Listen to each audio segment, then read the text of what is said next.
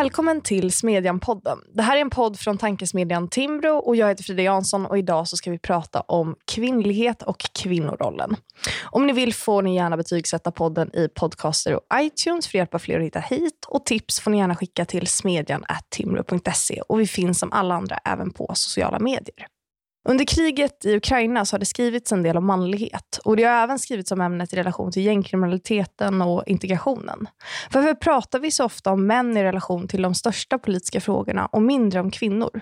Och vad innebär det egentligen att vara kvinna idag? Och med mig för att prata om detta har jag Anna Björklund som är författare till den nyutkomna boken Kvinnomanualen och Amanda Broberg som är kvinnosakskvinna på Timbro. Varmt välkomna båda två. Tack så mycket. Tack, tack. Anna, hur eh, känns det nu med eh, boken? Det känns bra. Jag, får, jag, jag har fått ganska mycket positiva vibbar på, på sistone. Eh, mm. Det, det, det, känns kul att få prata om det här. Det känns som att det var lite efterlängtat. Jag vet inte. Mm. Det kanske är i kontrast till resten av världen. Men, ja. men hur länge har du jobbat med den? Det beror på lite hur man ser. Jag, tror, eh, jag har väl gjort det nu under min senaste bebis, bebisdom, kan man säga. Men jag tror den första utkasten är fem, sex år gamla. Mm, det är en sån samlad verkhistoria. Mm, ja, det är tio år skrivtid. eh, men om du skulle liksom sammanfatta och försöka koka ner, eh, så att vi bara kan lägga ett grundackord, så att säga. Mm. Eh, vilka teman är det som du diskuterar i boken som du tycker sammanfattar den bäst? Alltså den handlar ganska mycket om vuxenblivande egentligen. Och då kanske att gå från liksom tjej till kvinna. Och att jag tyckte att det här var extremt svårt. Det, det är väl ungefär. Och att eh, Eh, jag tyckte även ganska basala grejer var svårt. Jag tyckte att mat var svårt, jag tyckte sömn var svårt. Jag tyckte eh, att jag var, eh, kände mig ganska ensam. Jag visste inte hur jag skulle lösa det. Jag tyckte också det var svårt att försörja mig på ett sätt som inte kändes som att det utplånade hela min själ. Typ.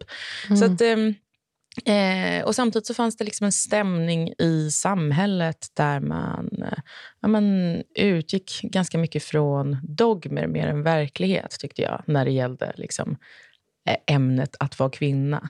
Och, vad, vad, kan det vara, eller vad var det för dogm som du tänkte på då? Ja, ja men om man tänker, liksom, men ska vi ta eh, det kanske mest basala, då, liksom, nummer ett i behovstrappan, mat. Liksom. Så tyckte jag att det var jättesvårt. Och Då sa alla till mig, så här, nej men man ska bara inte bry sig om hur man ser ut eller vad man väger, för det är lika bra oavsett. Och Det sa man kanske eh, både, eh, sa väl både eh, vad ska man säga, skolkuratorn, lärarna, föräldrarna. Det fanns liksom ett konsensus där. Eh, och sen ingen som hjälpte en att lösa själva problemet. Att mat i liksom det samhälle vi lever i är en väldigt så här, eh, svår sak. Alltså folk dör varje dag för att det är så himla svårt. Eh, men de, det fanns ingen som ville hjälpa till med det där. Utan det var liksom bara tyst och, och, och lös det. Och då att försöka lösa det på egen hand tog väldigt mycket av min tid och energi. Som, eh, och det blev ganska tungt. Mm. Och det blir ju som att liksom katalysatorn för att bli vuxen blir ju på något sätt eh, moderskapet. Eller liksom, mm. Eh, Precis, för mig så. blev det ja. nog ganska mycket så. Um, och där var det också en sån sak där jag blev väldigt förvånad över Um, där kanske inte över hur svårt det var, men däremot över hur, hur liksom beskrivningen av det skilde sig från den verklighet som jag upplevde. För jag tyckte då liksom, till min egen förmåning att det var superkul att vara med mina barn och ville det väldigt mycket när jag fick dem. Och jag hade ju tänkt att jag skulle Ja, men vet, man lär sig. Liksom, ja, men de börjar på dagis när de är typ ett. Och det, är liksom, ja, det är inte så mycket mer med det. Och det, det, är liksom, det går att lösa på ett väldigt så här, bra, jämställt sätt. Hela vårt, liksom, det är så man gör nu för tiden. Mm. Så tyckte inte alls det var så. Utan eh, dels, det, liksom, det hände väldigt mycket med mig som gjorde att eh, alltså mina prioriteringar eh, började plötsligt skilja sig väldigt mycket från samhällets prioriteringar. Och jag kanske, både på ett så här, men på även någon slags så filosofiskt plan, liksom, blev eh, upptäckt en annan sida av mänskligheten. Det låter så stort, men det var lite så för mig. Att det, det, jag började liksom känna att jag, jag som djur, liksom, jag som djuret mamma, började liksom stöta mig på alla de här vassa kanterna i samhället som inte alls var liksom byggda efter mig. Mm. Um. Men här, när du beskriver det här så undrar jag vad det finns för så här bottenplatta i den här filosofin. Alltså Är det någon typ av så argument kring lycka. Att så här, vi blir olyckliga då av att inte vara med våra barn eller mm. att, eh, att bara vara på jobbet hela tiden. Eller är det liksom en, en feministisk bottenplatta som är typ så, vi har alltid gett, ställt jättestora krav på kvinnor och nu är det här ytterligare då ett krav att man så mm. ska vara på jobbet hela tiden och sådär. Ja. Eller är det eh, någon sorts så här, eh, dygdresonemang som är så här, eh, det ja, goda samhället eh, kräver att man mm. kanske gör på det här sättet och det borde såklart inte vara olagligt att göra på ett annat sätt men mm. eh, det, det, är rätt att göra så här. Alltså vad är på något sätt, eller är det biologi då? Du pratar ja, lite precis. om dig själv som djur. ja, jo, men människor är ju djur också. Liksom. Mm. Eh, och, men, men det är inte liksom det säger ju heller inte allt. Nu tycker jag att samtalet kan vara ganska mycket så här, att, eh, att folk har väldigt mycket så här, sömnappar och pulsklockor och liksom är väldigt uppmärksamma på, på sina djuriska signaler på olika sätt. Men eh, men det är ju trots, alltså den här boken handlar ändå mer om kultur. Liksom. Och, eh, och där Alltså jag är inte riktigt så här, jag vet att ni håller på mycket med ideologi och sånt. Jag är inte så, så ideologisk. Utan jag, jag, jag är en ganska så praktisk. Så jag, det, det, min bottenplatta är ju liksom min egen erfarenhet egentligen. Mm. Mm. Och, och sen eh, eh, där börjar jag nysta. Och sen så har jag väl... Alltså, om man tar så min, min vad ska man säga, kritik mot arbetsmarknaden, då, eller vad man ska mm. säga. Alltså, den börjar ju inte i liksom någon ism från 1700 eller 1800-talet, utan den börjar ju liksom mer i så här, okay, varför är det jättetråkigt för mig att ha det här jobbet. Alltså varför är att bara skaffa liksom, mat på bordet så himla svårt och jobbigt? Och, och varför, varför måste man pendla? Varför är arbetsplatsen konstruerad på det här sättet? Där jag känner mig liksom som en, en så köttrobot som liksom Ja, folk tittar på mig men liksom ser mig inte. Varför kommer jag hem helt dränerad? Varför sover jag dåligt på natten? Varför hinner jag typ inte röra mig eller vara utomhus och få sol? Alltså ni vet, och liksom har det alltid varit så här? Måste mm. det vara så här? Varför Eh, var var liksom, hur, hur, såg, det, såg det ut när, när det blev så här för mänskligheten? Men är, men är det verkligen så att det inte finns någon ideologi, alltså så här, ideologi liksom väldigt bred märkelse då? Vad tänker du? Så här, nej, men, nej, men jag bara tänker så här, att det här som du skriver, att det finns ett kapitel som handlar om mat och liksom mm. vad man ska äta och sådär. Mm. Och då om man liksom läser det jättebokstavligt, då kanske man tänker så här, ah, nu, så här ah, eh, recept på tupp typ. Och så, eller förstår du vad jag menar? Att, så här, att det, det är ju liksom, även om det är estetik så kan det ju finnas alltså någonting, en idé som också ligger bakom på något ja. sätt. Så, även om det, det kanske inte är en politisk idé, men, men det kanske inte bara är så att det är liksom en sån... Um, alltså du vet, man kan byta ut det till en sån, um, liksom så här... Uh, gör man sina egna plåster och typ så. Mm. Eller det kanske är så att det är liksom bara en praktisk manual. Nej, men, men det, är inte, det är inte en praktisk manual. Vad ska man säga? Eh, eh, jag tror jag förstår vad du menar. Och Det jag försöker göra är väl att, eh, det som ändå kanske är lite genomgående är väl att just eh, djuret, människan, är lite mer närvarande. Och Det kanske är för att jag är liksom ett sånt fä i mig. Mm. Jag vet att jag men, men jag tror också det har ganska mycket med 1900-talet att göra. Och liksom de, det, det system som, som vi har haft som har premier, premierat liksom effektivitet på olika sätt och liksom haft ganska de här ovanifrån-lösningarna med, och då menar jag liksom både i liksom, eh, näringslivet och politiskt.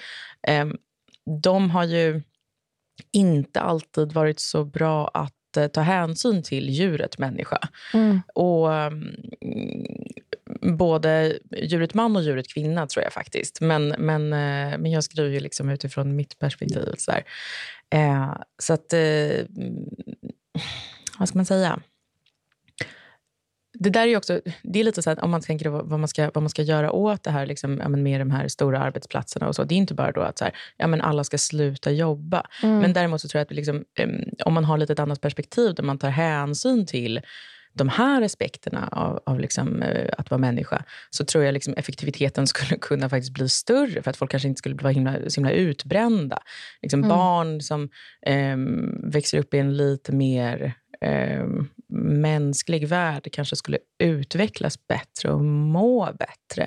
Och Det kanske även skulle vara bra för liksom, inte bara samhället i stort. Liksom det kanske till och med för företagen. Förstår du vad jag menar? Mm, att det, mm. det, jag tror att det där är liksom ett tankemisslyckande som kommer av en, ganska... Um, en, en manlig, hård, hårt sätt att se på så, världen.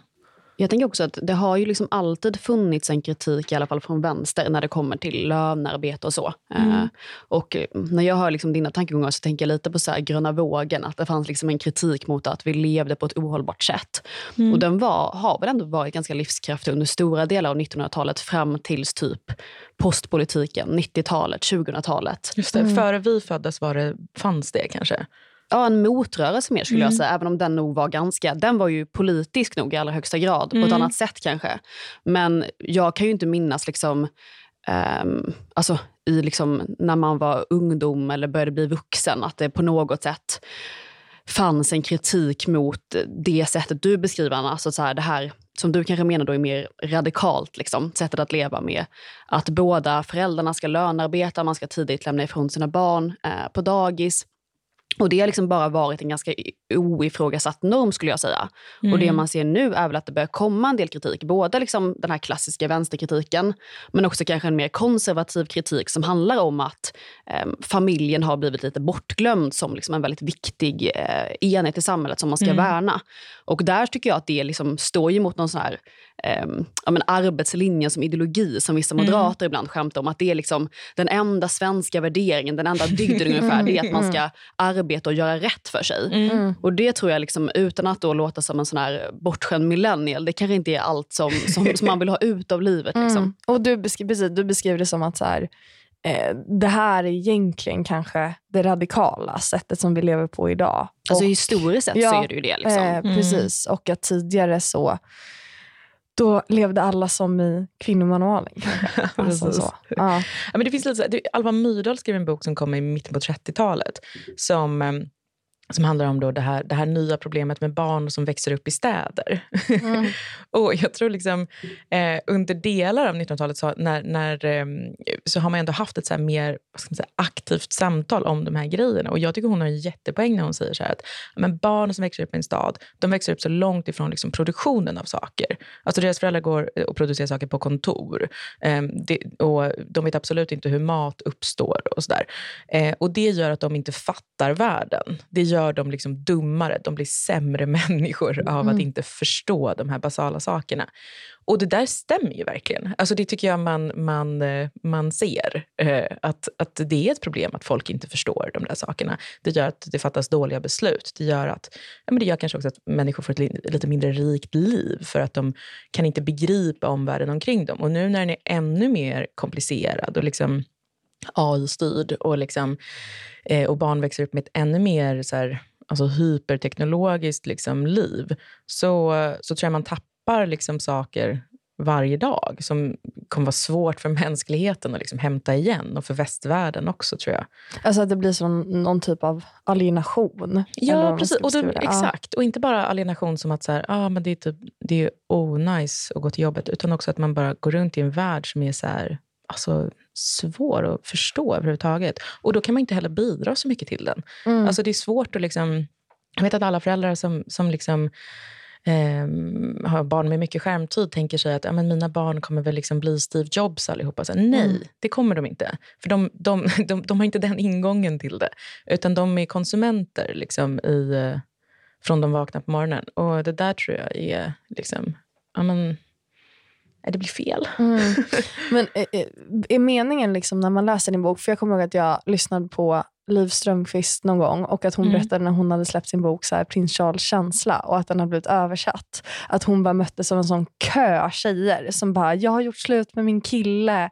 Så här, var, liksom, var stolt över mig, jag har dumpat honom för jag har läst din bok och jag har förstått att så här, hon bara, oh, eh, det monogama parförhållandet är eh, liksom, eh, någon typ av utnyttjande. Och så där. Då fick hon skriva den rödaste rosen slår ut istället som ja, svar. Precis, exakt. Ja, men det var typ så motiverat att hon bara, jag måste liksom se till att ordningen blir återställd. Eh, och att hon bara, det var liksom inte riktigt min tanke kanske när jag skrev boken, att det Nej. skulle vara en sån, alltså, att det ska vara så här, ett modernt skummanifest. Liksom. Mm. Eh, är, vad, men så här, tänker du att när man läser den här boken att man ska säga upp sig från jobbet? Och, eh, Nej, det gör jag väl egentligen inte. Eller jo, kanske. Alltså, eh, ja, men säg inte. det, det tycker jag är piggt. ja. Alltså. ja, men kanske. Alltså, mitt liv blev ju väldigt mycket bättre när jag, eh, alltså, sen jag blev småföretagare. Alltså, mm. det, det, är ju, det tycker jag är det, det, bästa, rikaste livet, i alla fall som jag har stött på. Eh, men, och, och ta sig bort, om man tänker sig kvinnor i Sverige som alla som jobbar i, i eh, offentlig sektor. Liksom. Och, Eh, har gått, eh, varit jätteduktiga, gått jättelånga skittråkiga utbildningar och sen så gör de någonting som är monotont med en, på en arbetsplats som är jättestor och opersonlig och eh, de är jättetrötta när de kommer hem. och så där. Alltså Det är ju inte ett liv jag rekommenderar till någon. Ehm, det är det ju faktiskt inte. Alltså, det, det är ingenting jag säger till mina kompisar att ja, men jag vet inte, bli, bli sjuksköterska, det verkar toppen. Det, det, så är det faktiskt inte. Men, men liksom, kan man inte också tänka sig att det också har någonting att göra med så här, lönarbetets dynamik? För på ett sätt jo. kanske det är jobbigare att vara småföretagare. Mm. Om man, alltså man bara, eller vad säger jag, du? Jag tänker att det inte bara är liksom lönearbete som sådant, för, för den, den kritiken har ju liksom funnits i alla tider. Alltså mm. Alltså många av de mm. stora ideologierna springer ju den typen av kritik, men mm. att det kanske är alltså tanken på, nu kommer jag verkligen låta konservativ, men att båda ska förvärvsarbeta. eh, och att det funnits ja, men så här, en idé om att... Eh, det ska Sverige... vara en som förvärvsarbetar. jag eh, förespråkar inte det, men så här. Alltså Sverige vill man alltid uppmåla som så världens mest jämställda land. Eh, för att vi har en sån unik modell där man får vara föräldraledig väldigt länge. Mm. Men den modellen bygger också på att man ganska tidigt till exempel lämnar ifrån sig sina barn. För det är väldigt viktigt för kvinnan att komma tillbaka in på arbetsmarknaden arbetsmarknaden. Mm. Man får det liksom berättat för sig alltså under hela typ sin tonårstid att det stora liksom, Anledningen till att man då halkar efter i löneutvecklingen det är ju för att man är hemma med sina barn. Mm. Att skaffa barn är den största kvinnofällan. Mm. Och jag tänker att, den, att, att det blir liksom matad med den typen av idéer snarare är liksom det man kan kalla då radikalt. Att, att höra att familjeskapande är en fälla för att du är kvinna.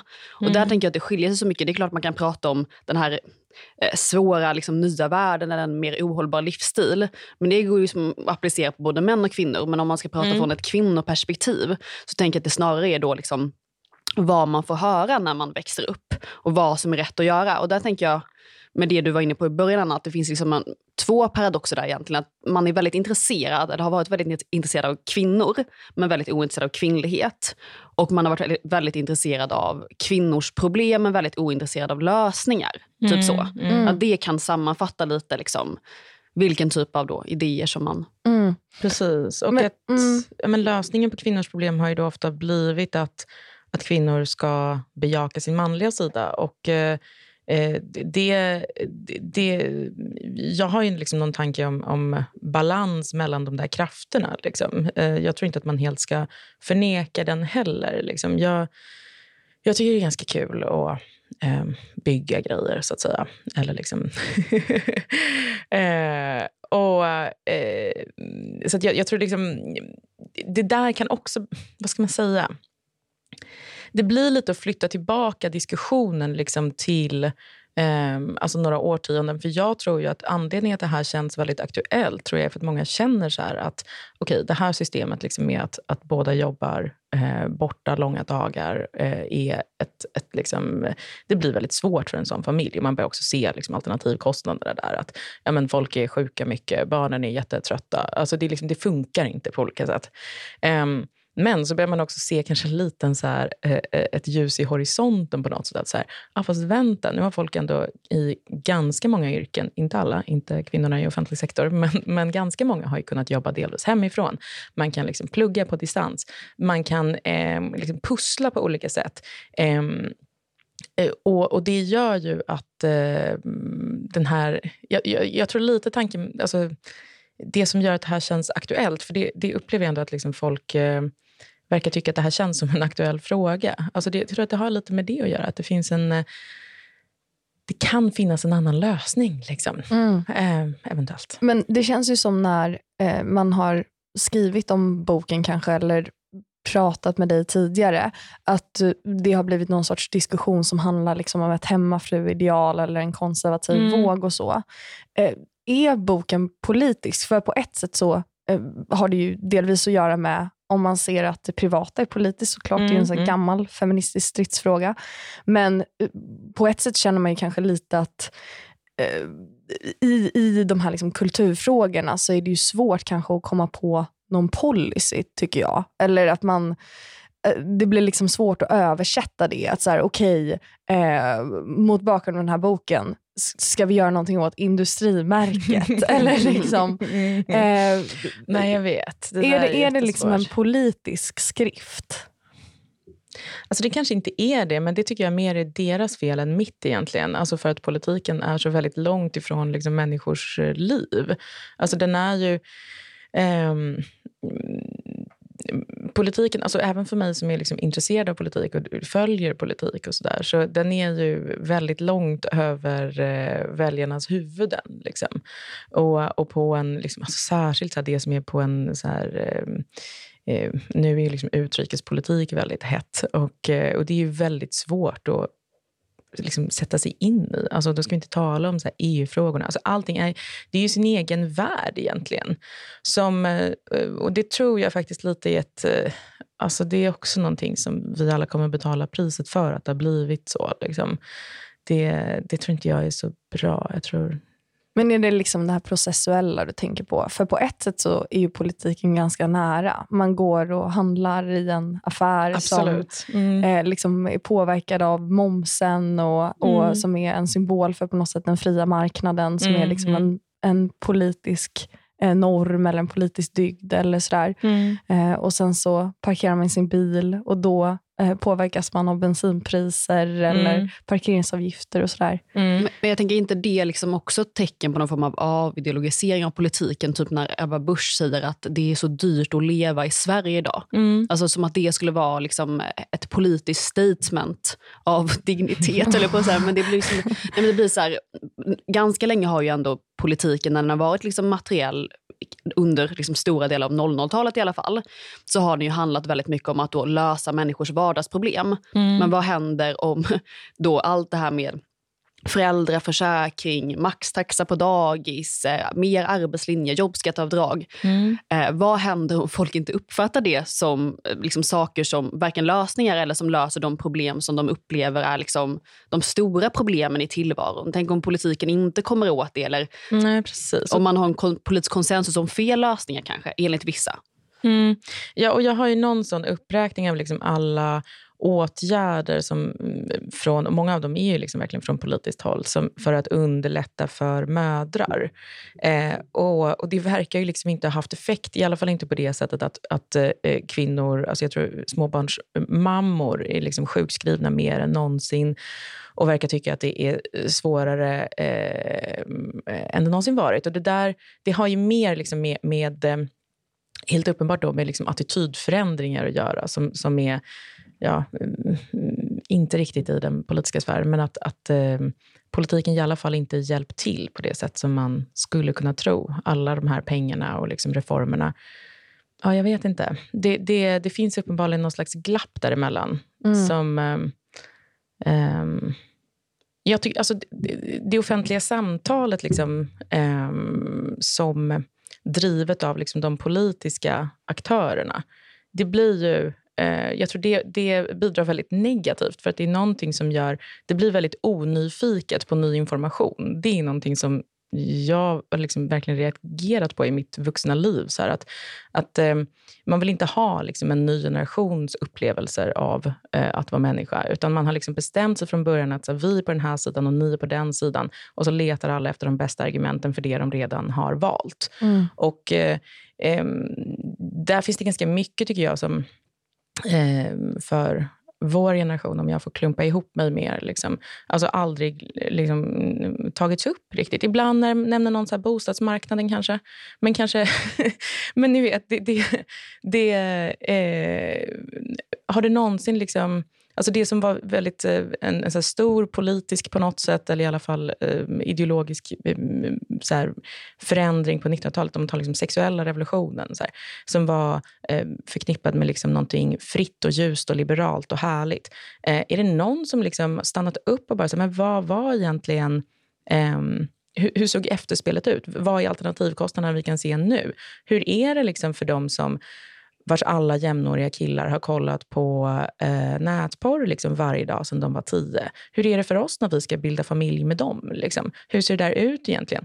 Det, det, och då menar jag inte att eh, liksom, automatiskt reaktionen behöver vara att man ska förbjuda abort och p-piller igen och försöka backa. Det är inte det som kan hända. Liksom. Men, men, eh, men det är ändå, jag tror att man behöver utvärdera liksom, 1900-talet på något sätt. Mm. Och, och, jag tänker också att man, kan, man behöver inte alltid översätta en diskussion om människans livsvillkor i kanske policy. Alltså det, det finns ju, det är ju en väldigt så här, för då blir det ju nästan alltid så att liksom staten sväller eller det blir mer förbud eller sådär. Mm, mm. Utan man kan ju ha en diskussion som på något sätt handlar om så här, vad kan vi som liksom relativt fria individer göra i samhället? Vad skapar vi för kultur? Mm. Med utgångspunkt i ett offentligt samtal som kanske inte egentligen handlar så mycket om lagstiftning. Exakt. Ja, men det lite, jag, var lite, jag kanske var otydlig, men det var typ det jag menade. tror jag. Att, mm. att, att jag tycker man kan se det ändå, att, liksom, att policy är en sak, men, men eh, och att, att i eh, typ feministiska frågor och sånt där, att politikerna kanske snarare är de som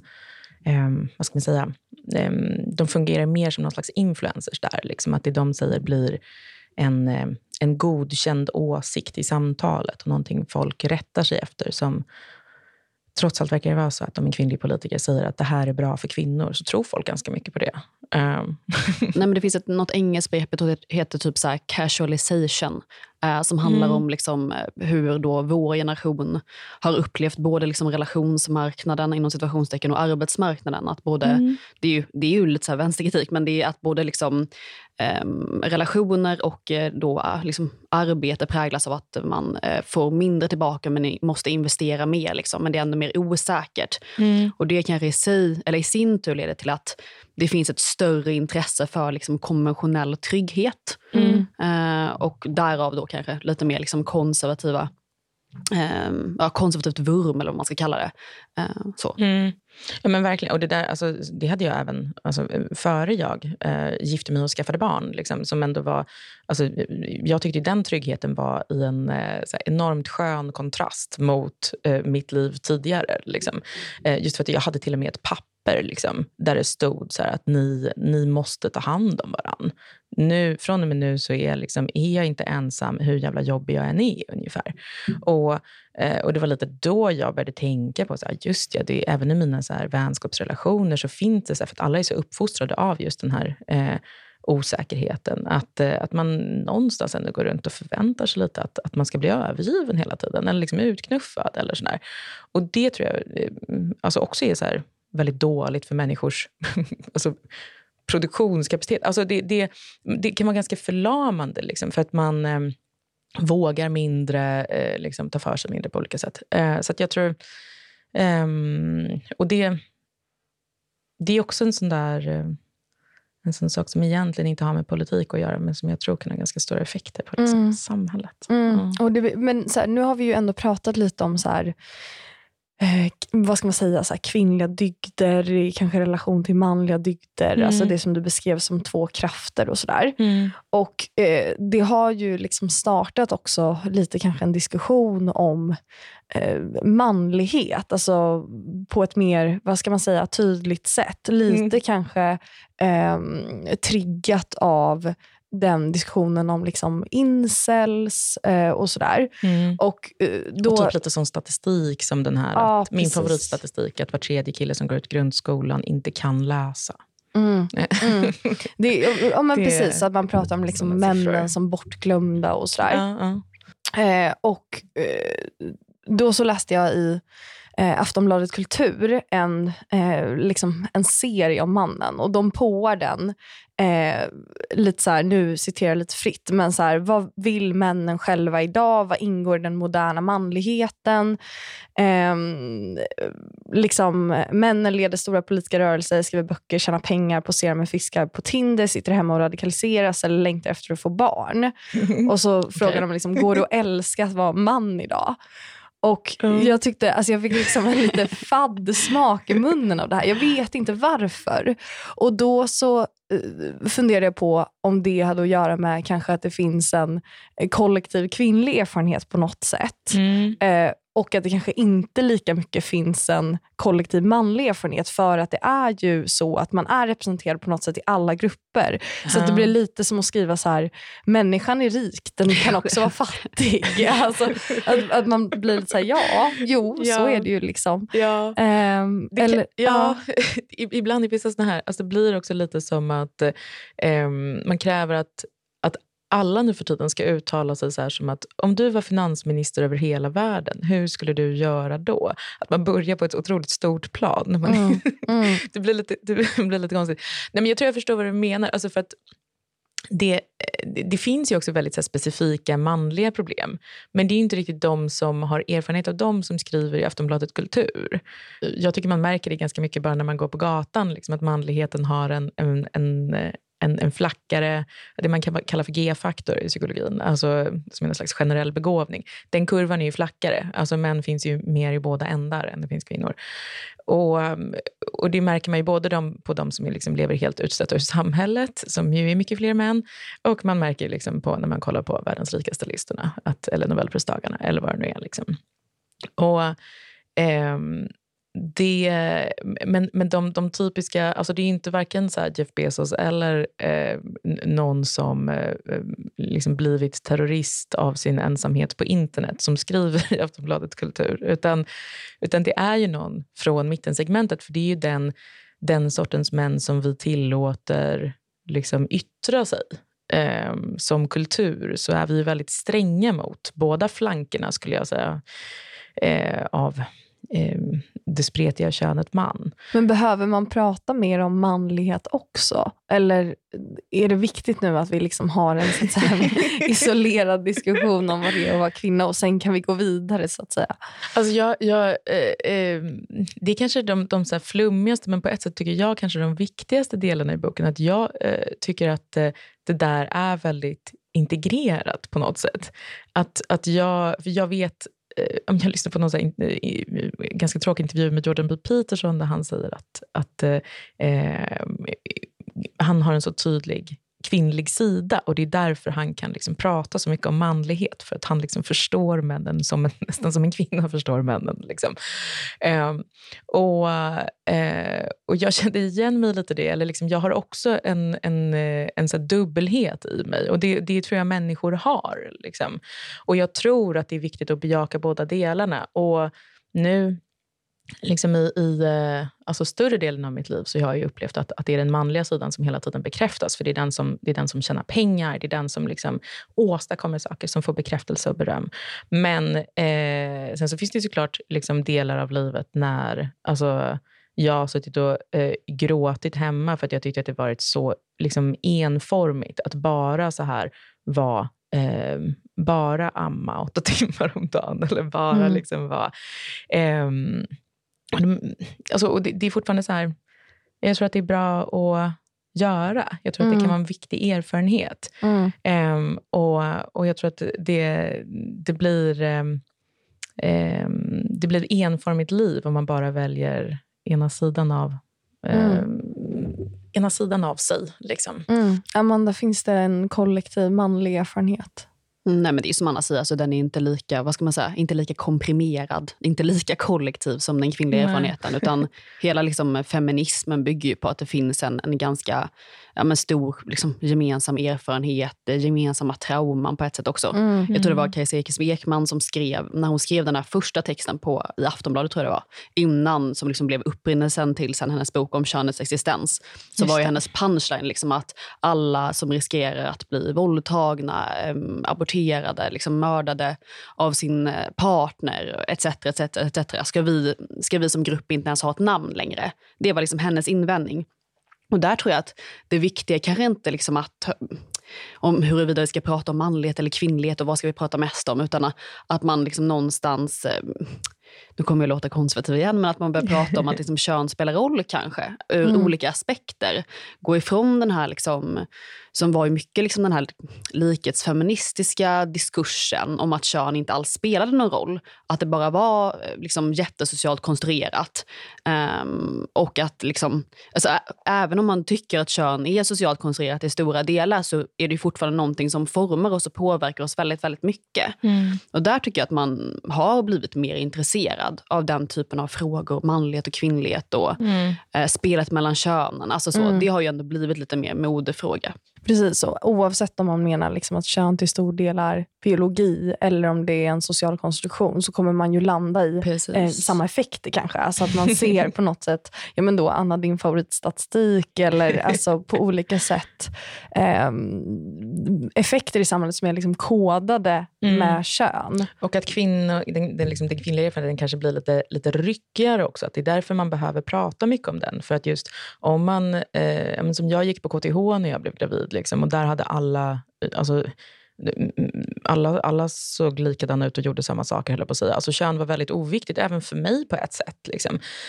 Um, så att jag blev ju... Um, ja, men, um, kände mig nästan liksom sviken på något sätt. Men vad var det här det det skulle bli? Liksom? Mm. Att jag är den här... Liksom, ja, men det här däggdjuret nu. Som liksom, eh, det, det, det blir, det, då, då behöver det ju kanske eh, bearbetas på ett annat sätt liksom, än om man som man bara ja, lite på någon slags gråskala kan ta sig fram. Liksom där. Ja, ja, man får ett barn, men det är inte så att hela ens kropp stöps om. Mm. mm. du förstår vad jag mm. menar. Mm. Ja. Och att man kanske, mm, man kanske jobbar mer med liksom Precis. individualitetsbegreppet, eller vad man ska säga. Jag ja, tror att även, på det sättet alltså, är de ju friare. Ja. För de inte, det, det, men också kanske... Eh, alltså jag är inte så avundsjuk på, på det där ändå. Jag tycker också att det är eh, ganska fett att ha de här... Liksom, eh, ja, men det är lite mer turbulent liksom, mm. att vara kvinna. Mm. Och ehm, livet... liksom um, passerar inte obemärkt på det sättet som ett mansliv kan göra. Mm. Man, eh, vad ska man säga? Det märks väldigt tydligt när man åldras. Det märks väldigt tydligt när man blir vuxen. Det märks väldigt tydligt. Ja.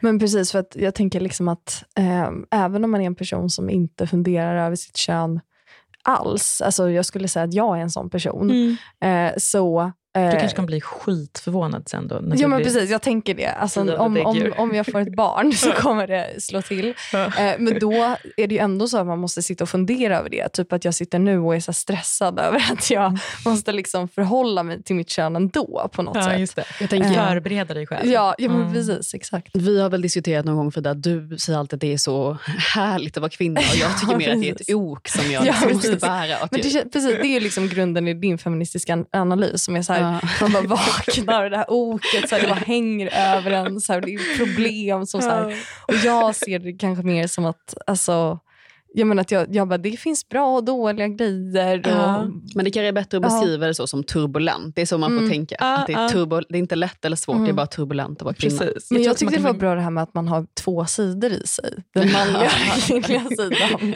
Så att, liksom, det tyckte jag var, alltså, det kändes betryggande så. Eh, på något sätt. Jag tycker att vi ska runda av lite. Eh, tack så jättemycket Amanda Broberg för att tack du var här. Och tack så jättemycket Anna Björklund för att du var här och pratade om din nya bok Kvinnomanualen som kommer nu i veckan. Ja, precis. Mm. Tack så mycket. Tack så jättemycket.